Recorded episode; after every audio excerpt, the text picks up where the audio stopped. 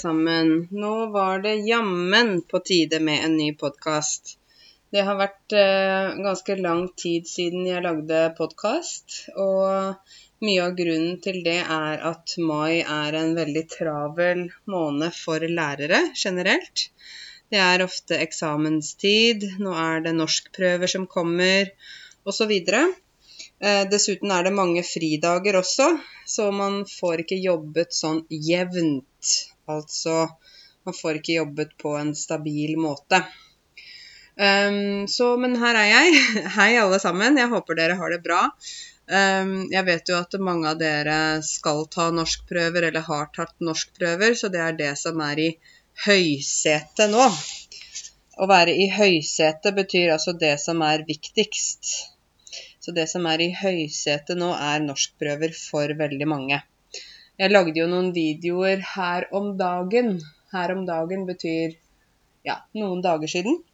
Da lagde jeg noen videoer her om dagen om muntlig prøve, og de har jo blitt sett mange ganger allerede, og det forventet jeg egentlig.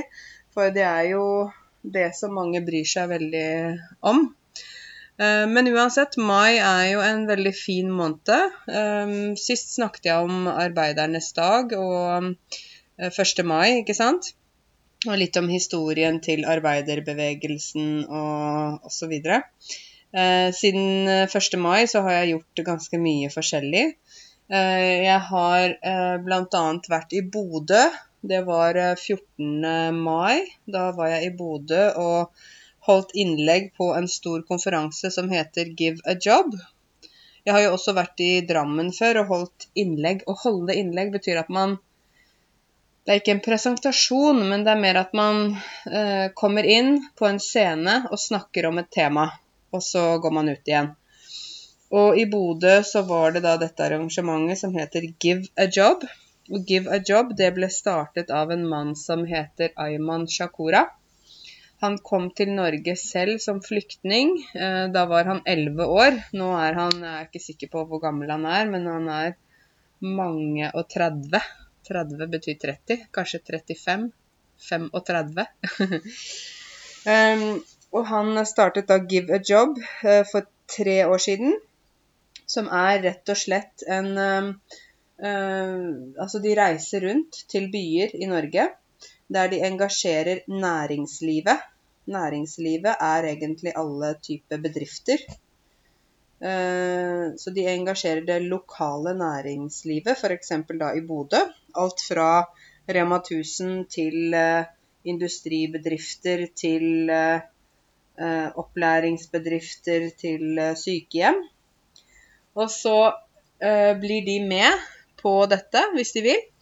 Og da Altså, det, det, kommer litt an på om de trenger flere ansatte, selvfølgelig, da. Men de som er på jakt etter flere ansatte Å være på jakt, det betyr at man leter etter noe. Det betyr jo også når man jakter f.eks. på elg, ikke sant. De som skyter elg her i Norge på høsten, da jakter man på elg. Men man kan jo også jakte på jobb. Ja.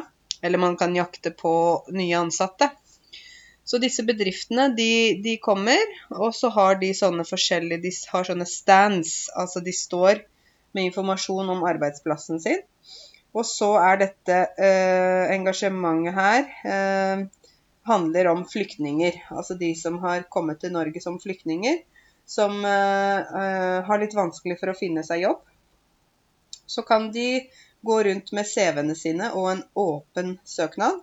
En åpen søknad betyr en eh, jobbsøknad som eh, ikke er til en spesiell stilling. Altså man kan sende en åpen søknad til en bedrift uten at de har noen ledige stillinger.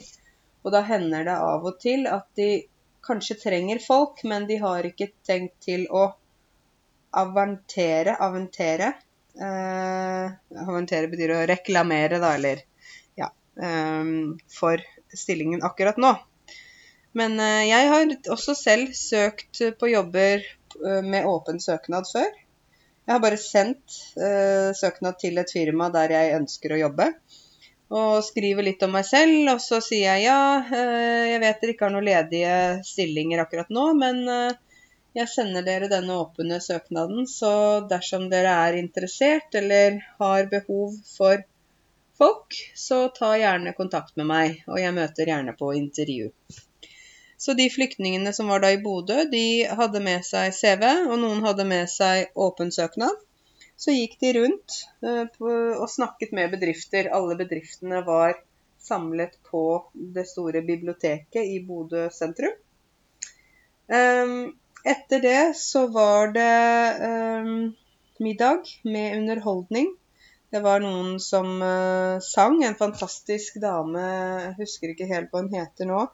Uh, men hun sang sånn type soul en veldig sånn uh, dyp, fin stemme. Hun kom egentlig fra uh, USA. Uh, og giftet seg med en mann i Bodø, så hun kom, uh, kom pga. kjærlighet. så kanskje mange av dere som hører på også er i Norge pga. kjærlighet.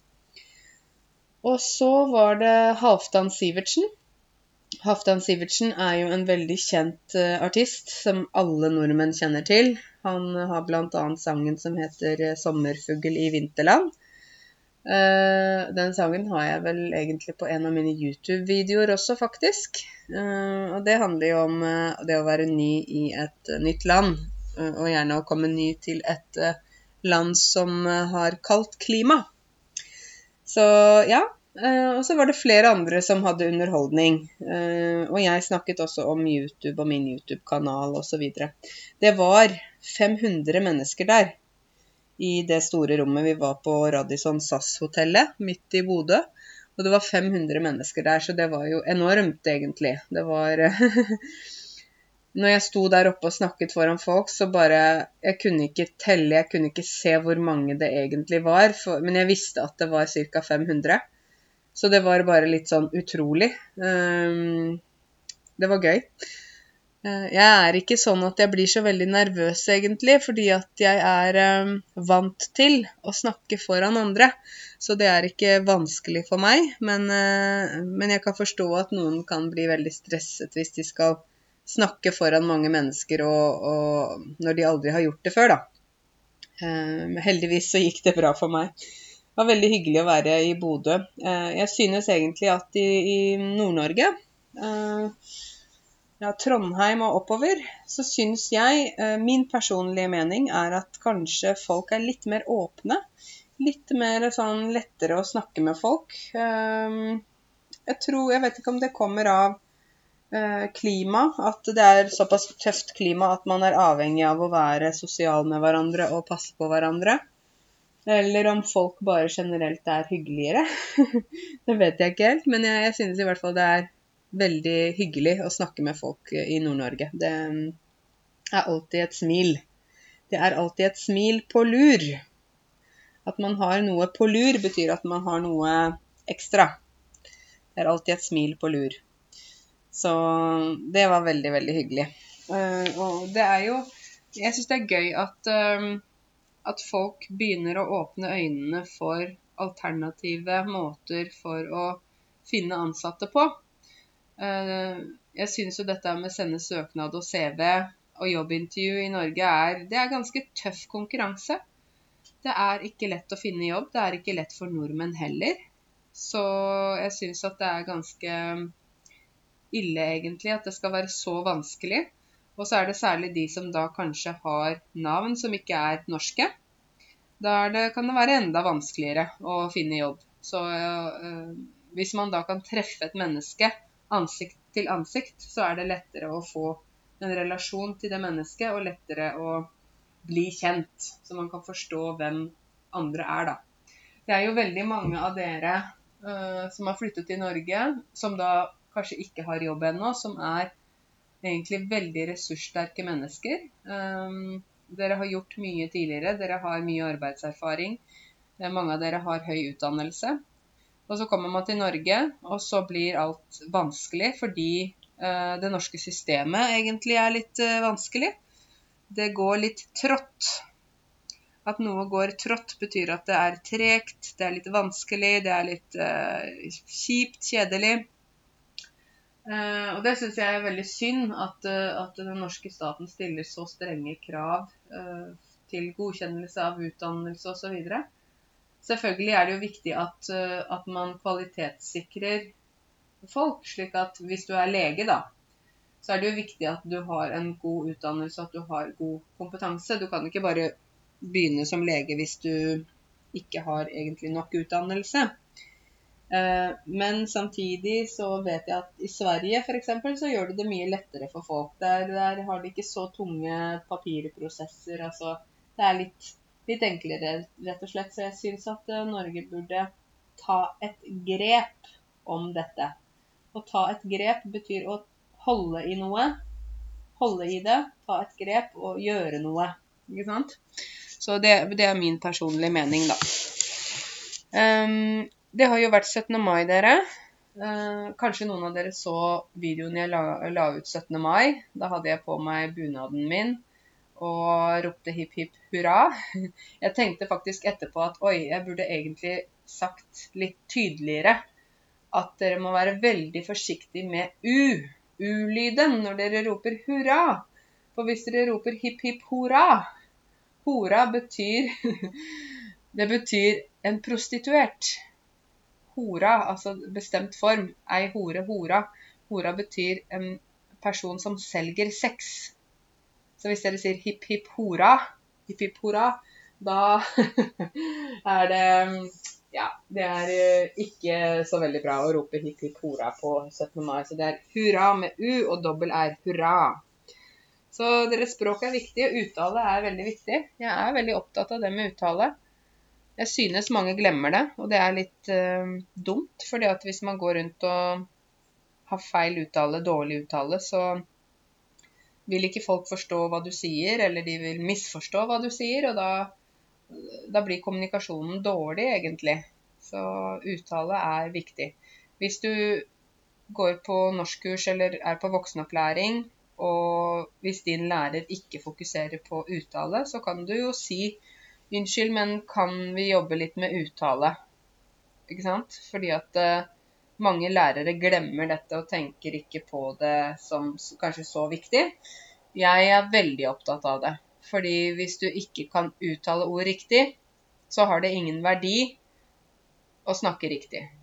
Hvis du snakker riktig, men du uttaler ordene feil, altså, da forstår jo ikke folk hva du sier. De forstår hva du skriver, men når du snakker, så blir det helt annerledes. Så ja, ta tak i det, folkens. Eh, jeg må jo si at hver gang jeg har på meg bunaden min, så er jeg veldig stolt. Fordi den bunaden min er brodert av min mormor. Jeg kalte henne for Mimmi. Eh, hun het egentlig Ragna, men eh, jeg kalte henne ikke for bestemor. Jeg kalte henne ikke for mormor, jeg kalte henne for Mimmi. Og det var min kusine som først startet med det, og da sa alle barnebarna Mimmi fra den dagen. Og Mimmi var veldig flink til å brodere. Å brodere betyr at du har en nål og en tråd, eller garn, og så lager du fine broderier med dette. Altså du broderer, det er verbet, da. Så uh, min bunad er brodert med blomster. Uh, min bunad er Buskerudbunaden. Grønn Buskerudbunad. Så da er det et spesielt blomstermønster du skal ha på den bunaden. Så alle bunadene Det er ikke sånn at du bare skal lage en bunad. Det er spesielt hvordan den skal se ut. Så Buskerudbunaden ser ut på den måten, og f.eks. Eh, Hardangerbunaden den ser helt annerledes ut. Nordlandsbunaden ser annerledes ut og har forskjellige mønstre.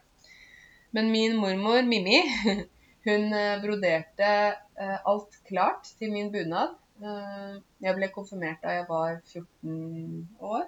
Var 14 eller var 15? Jeg husker ikke helt. Og da Jeg var 15. Og da var det sånn at min mormor ble syk i november året før, i 1999. Og så skulle hun da Hun skulle brodere, og hun gjorde det. Og så skulle hun ha en operasjon i magen. Um, operasjonen var vellykket. Det sier vi ofte når vi snakker om operasjoner.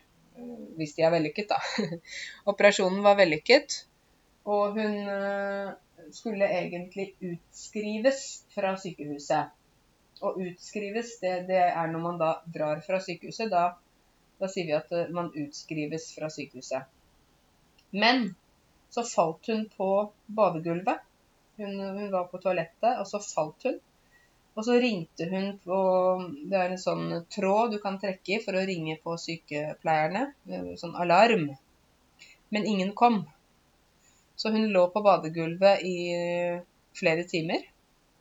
Og hun fikk indre blødninger. Indre blødninger betyr at du får blod inni kroppen.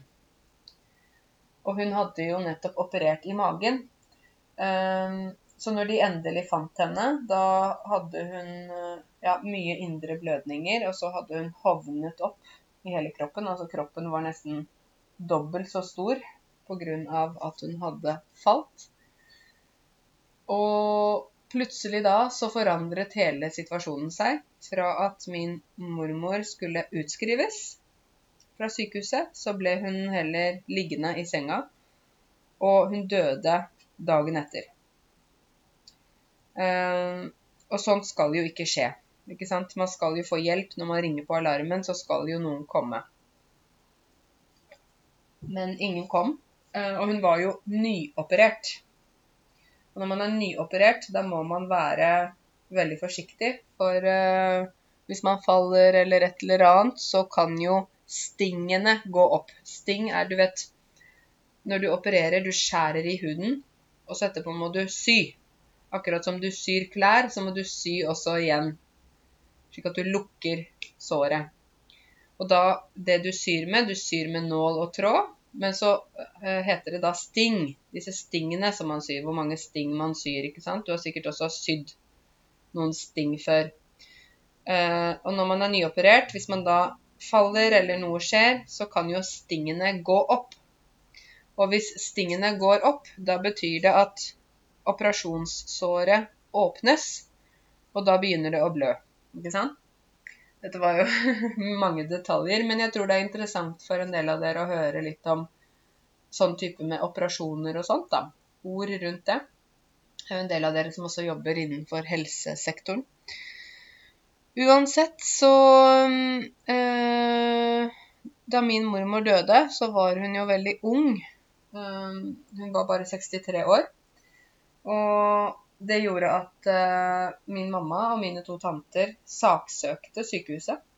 Og saksøke betyr at man går til sak, altså man har en advokat, og man sier vi skal saksøke sykehuset for dette her. For dette aksepterer vi ikke. Og de gjorde det, uh, og de vant.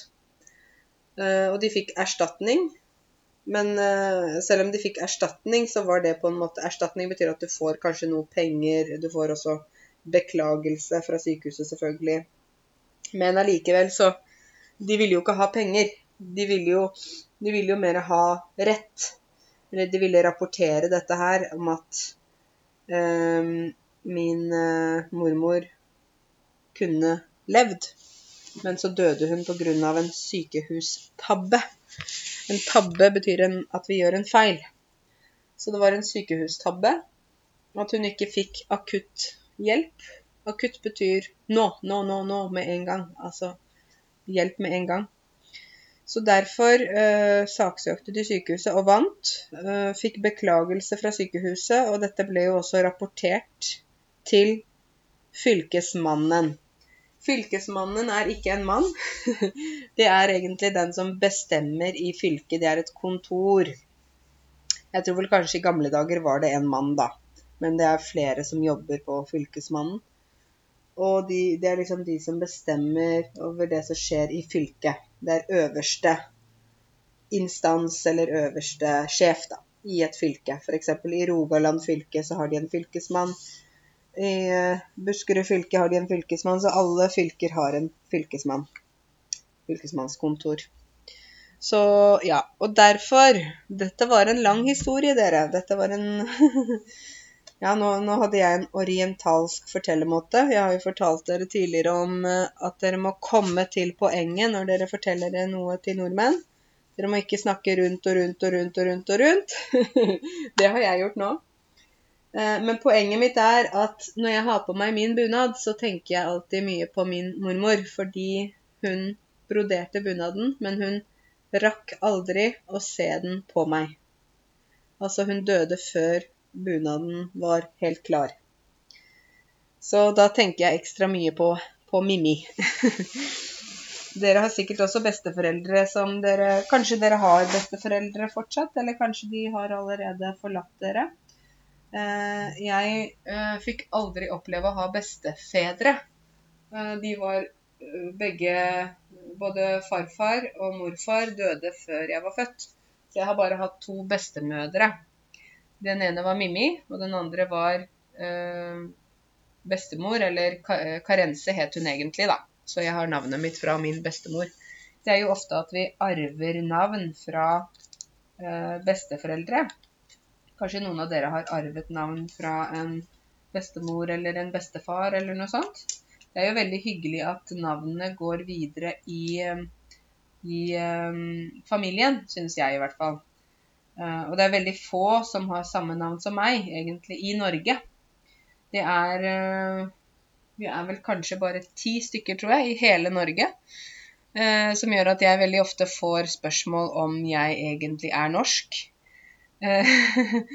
det er litt rart for meg å få spørsmål om jeg er norsk. Ser, folk ser at jeg er norsk i forhold til hvordan jeg ser ut. Men de klarer ikke helt å forstå at jeg er norsk ut ifra navnet mitt. Men navnet mitt er helt norsk. Eh, det er et gammelt navn fra vikingtiden. Mest sannsynlig ble dette navnet hentet fra England, eh, da vikingene pleide å hente treller. Treller var da øh, slaver. Vikingene hadde treller, eller vi kaller det for slaver i dag. Og da hentet de folk fra England og Irland og brukte som treller her i Norge. Mest sannsynlig kommer det navnet helt fra England, da, helt fra begynnelsen egentlig. Når det gjelder eh, norske navn, så ser jeg jo nå at det er en trend at mange går tilbake til eh, gamle, tradisjonelle navn. En del bruker sånne naturnavn, f.eks. Um, Storm, Ylva, Frøya. Altså dette er sånne veldig ja, litt vikingnavn, nesten. Eh, noen bruker mer tradisjonelle navn, sånn som man hadde på 50-tallet. Kari, Ola, Anne, eh, Erik, Petter osv. Så, navn er jo sånn som går i trend. Det er trendbølger. Altså hva som er populært og ikke populært. Jeg vet ikke hvilke navn som er populært på barn i ditt land nå, eller ditt hjemland. Det varierer sikkert like mye som i Norge. Eh, men det er i hvert fall eh, hyggelig, syns jeg, da, å ha et navn som er litt annerledes. Fordi eh, da er det jo lett at folk husker meg. Hvis jeg møter noen igjen, så husker de ofte det fordi at det var hun med det rare navnet. så ja. Jeg må jo si at jeg syns mai har vært fantastisk. Ehm, det har vært veldig mye sol her i Oslo. Jeg skal ikke snakke om været nå, dere. Jeg skal bare fortelle dere litt om pollen og pollenallergi. Eh, for det er jo kanskje en del av dere som har merket at dere har vært veldig trøtte og slitne eh, i mai. Eh, kanskje mange av dere vet at dere har allergi, men en del som flytter til Norge, vet ikke at de har allergi. De forstår ikke at det er det. Bare tenker 'oi, jeg er veldig trøtt. Jeg sover og sover og sover'. Um, men, men, det er ikke sånn. Det er faktisk Det å ha allergi betyr at du, du uh, nyser, klør i øynene, uh, eventuelt sover veldig mye, blir veldig sliten, klarer ikke å konsentrere deg. Ja, sånne ting. Jeg sliter med allergi i mai, spesielt nå som det har vært eh, veldig mye bjørkepollen. Bjørk er jo det treet som har hvit stamme og grønne blader, ikke sant? Og det har eksplodert med pollen i mai, slik at det har vært utrolig mye pollen i lufta. Det kan du se bare du ser på bilene. Så har de litt sånn gult støv på seg, og det er pollen. Uh, og vi får jo en slags overdose av pollen i mai og juni. Så de av dere som er allergiske, dere vil merke det veldig raskt, egentlig. Det er ikke sånn at alle er allergiske, men noen er jo det. Og da kjenner man det. Eh, jeg tar allergipiller, men jeg blir også trøtt av de, så jeg blir liksom Det ene tar det andre. Trøtt av allergipille eller trøtt av pollen. Det er jo ett fett. Ett fett betyr at det er det samme. Men nå begynner det å bli litt bedre. Men jeg anbefaler dere som har vært veldig trøtte og sånt nå i mai, å ta, gå til legen og ta en blodprøve og sjekke om dere har allergi. Og hvis dere har det, så kan dere få medisiner, og kanskje det kan bli litt lettere for dere hvis dere får uh, noe antihistaminer.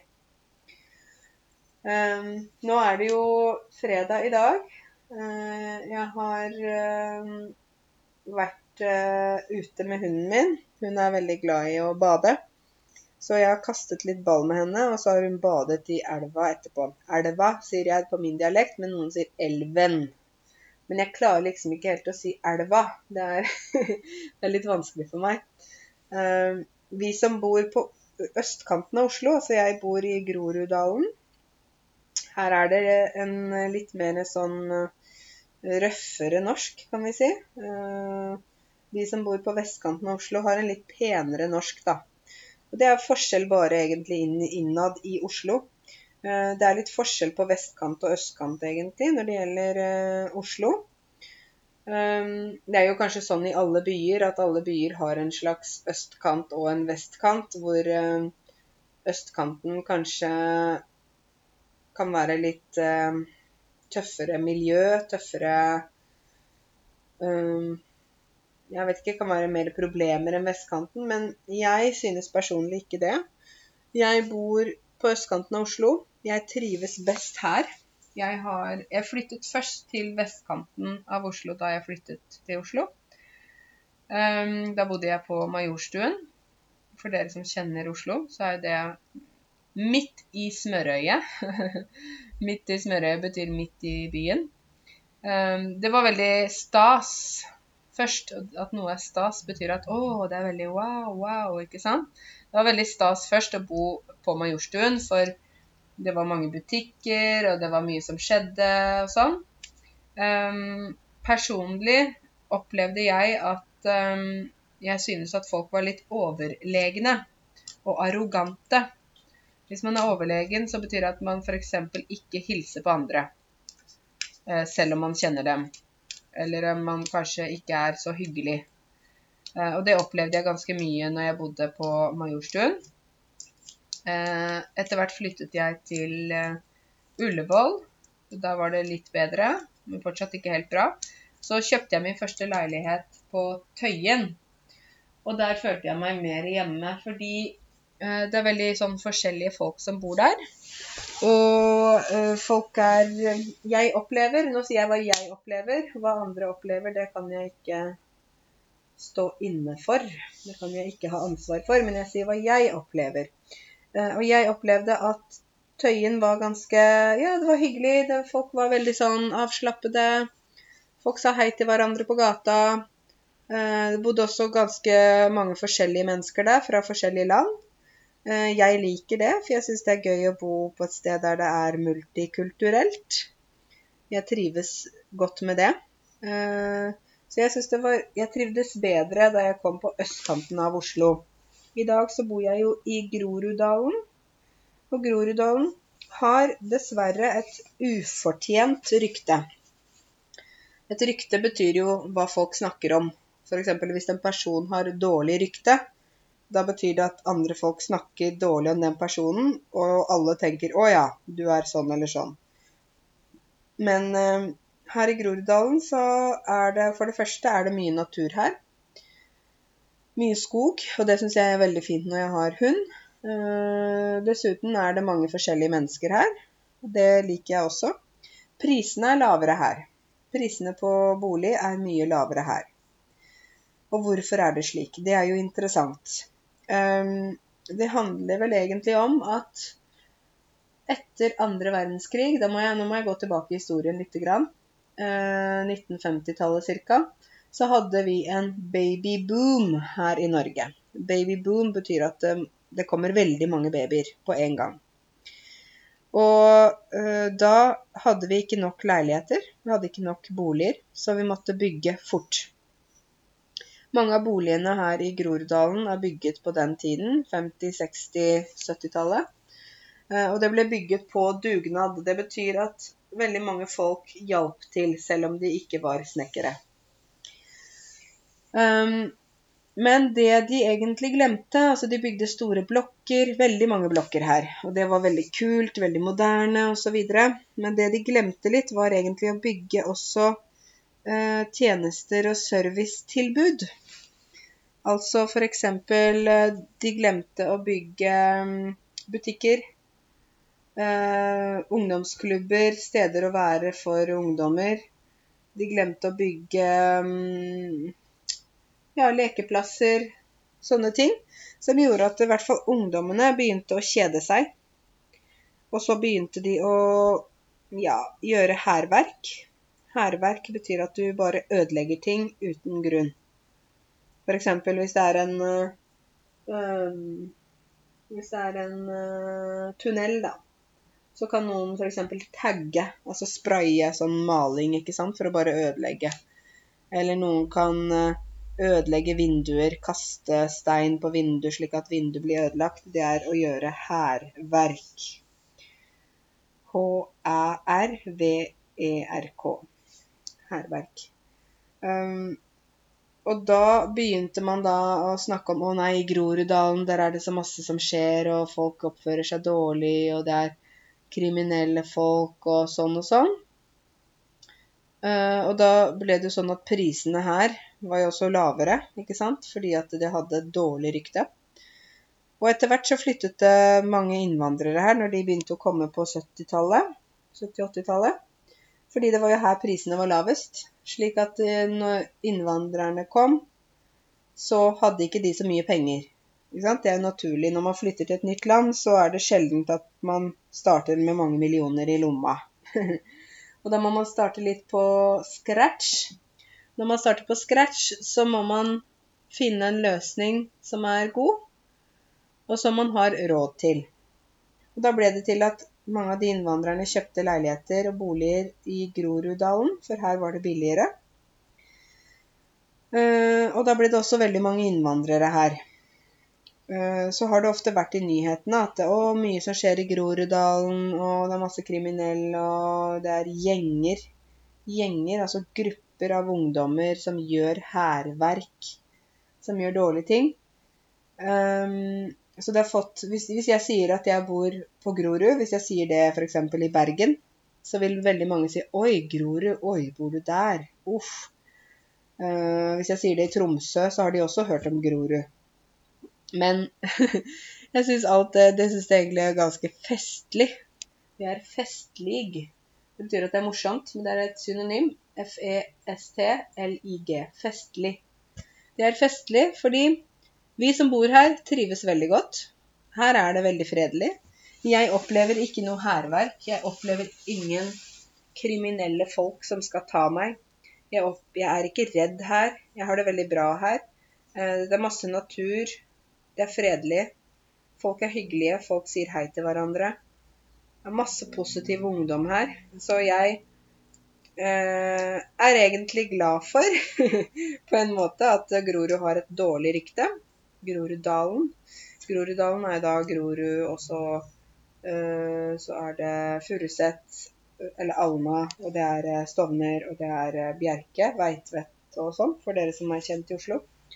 For meg er det helt fint at Groruddalen har et dårlig rykte, fordi det gjorde at jeg kunne kjøpe uh, leiligheten eller huset som jeg har nå, til en billig penge.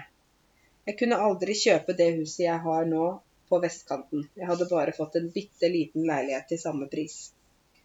Så da syns jeg egentlig at det er helt greit. Folk kan vær så god bare snakke om uh, dårlig om Grorud.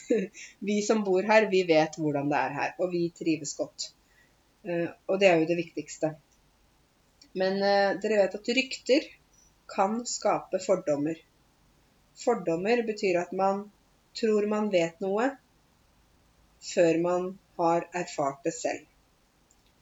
Noen har fordommer mot innvandrere og sier Det er ikke meg, jeg sier at noen mennesker som jeg har hørt og sett, de sier nei, disse innvandrerne de bare kommer til Norge for å være kriminelle. Ja, Dette er da å være fordomsfull. De har fordommer mot innvandrere. De snakker om innvandrere uten at de kjenner innvandrere selv. Og folk har fordommer mot Grorud. De sier nei, uff a meg, bor du på Grorud? Nei, der er det masse kriminelle folk, og der er det bare masse tull og problemer og sånn. Selv om de kanskje aldri har vært her. Og det syns jeg er utrolig. det er helt greit for meg. De kan bare snakke. Snakke, vær så god. Jeg eh, vet hvor jeg bor, jeg vet hvor heldig jeg er, og setter stor pris på det. Å sette pris på noe betyr at man er glad for noe. Så jeg vet ikke hvor dere bor, og jeg får jo på en måte ikke hørt hvor dere bor, for dere sitter jo bare og hører på meg, og dere kan ikke svare meg. Men eh, jeg vet at mange av dere bor rundt omkring i Norge. Um, noen bor i byer, noen bor på landet. Eh, men uansett så tror jeg det viktigste er at du trives der du bor. At du trives med eh, boligen du har. At du trives med jobb eller skole som du er på. At du har noen venner, at du har noe nettverk. Det er jo veldig viktig.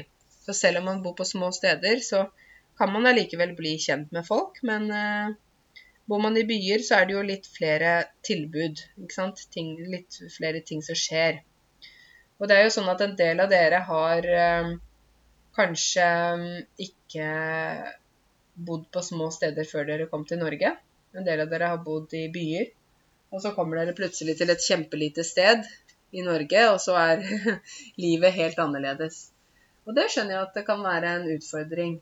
For uh, livet på landet er forskjellig fra livet i byen. Jeg vokste jo opp på landet. Uh, de av dere som vet hvor jeg kommer fra, dere har, kanskje, husker dere kanskje. Jeg kommer fra Åmot i Buskerud.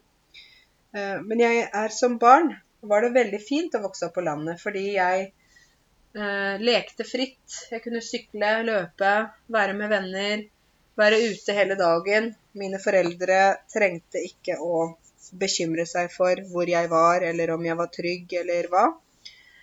Og det synes jeg var veldig fint når jeg tenker tilbake på det å vokse opp på landet. Det var rolig, det var godt å være barn der. Ehm, men som voksen så trengte jeg litt mer impulser, litt mer ting som skjedde. Det var derfor jeg flyttet til Canada og studerte der, i Vancouver. Eh, og at jeg senere da flyttet til Oslo.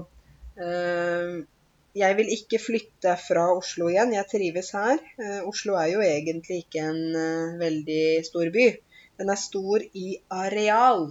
Areal betyr størrelse, altså Her snakker vi vel om kvadratkilometer. Men den er ikke stor i folketall, da. Er vel, husker ikke, er det 700 000 mennesker i Oslo? Pluss minus.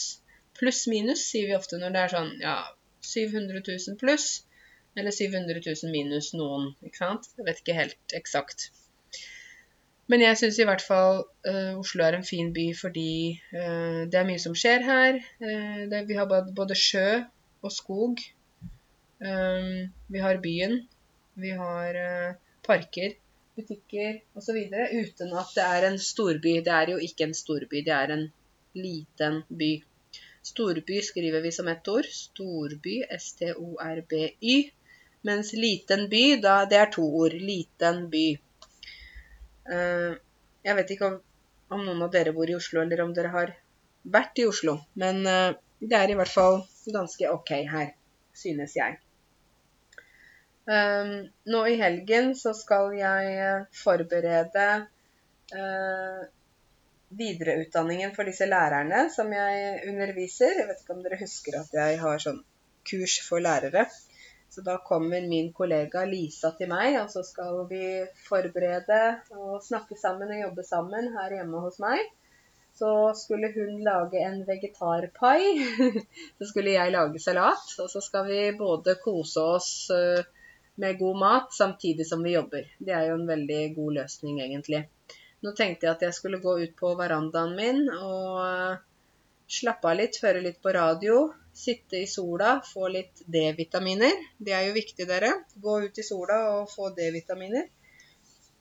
Og så mm, skal jeg tenke litt på hva slags YouTube-videoer jeg skal lage videre. For det er mange ting som koker i hodet mitt. Det koker i hodet. Altså det koker ikke i kjelen eller gryta, men det koker ideer som koker oppi hodet mitt. Og så må jeg bare få satt de ideene ned på papiret. Fra hodet til papiret. Jeg må sette ideene på papiret. Og så skal jeg lage videoer etter hvert. Men øh, først må jeg koke koke sammen noen gode ideer. så hvis dere har noen, øh, noen, gode ideer til meg, så skriv gjerne til meg på Facebook-gruppa mi. Jeg har jo en Facebook-gruppe som heter Norsklærer Karense. Ok?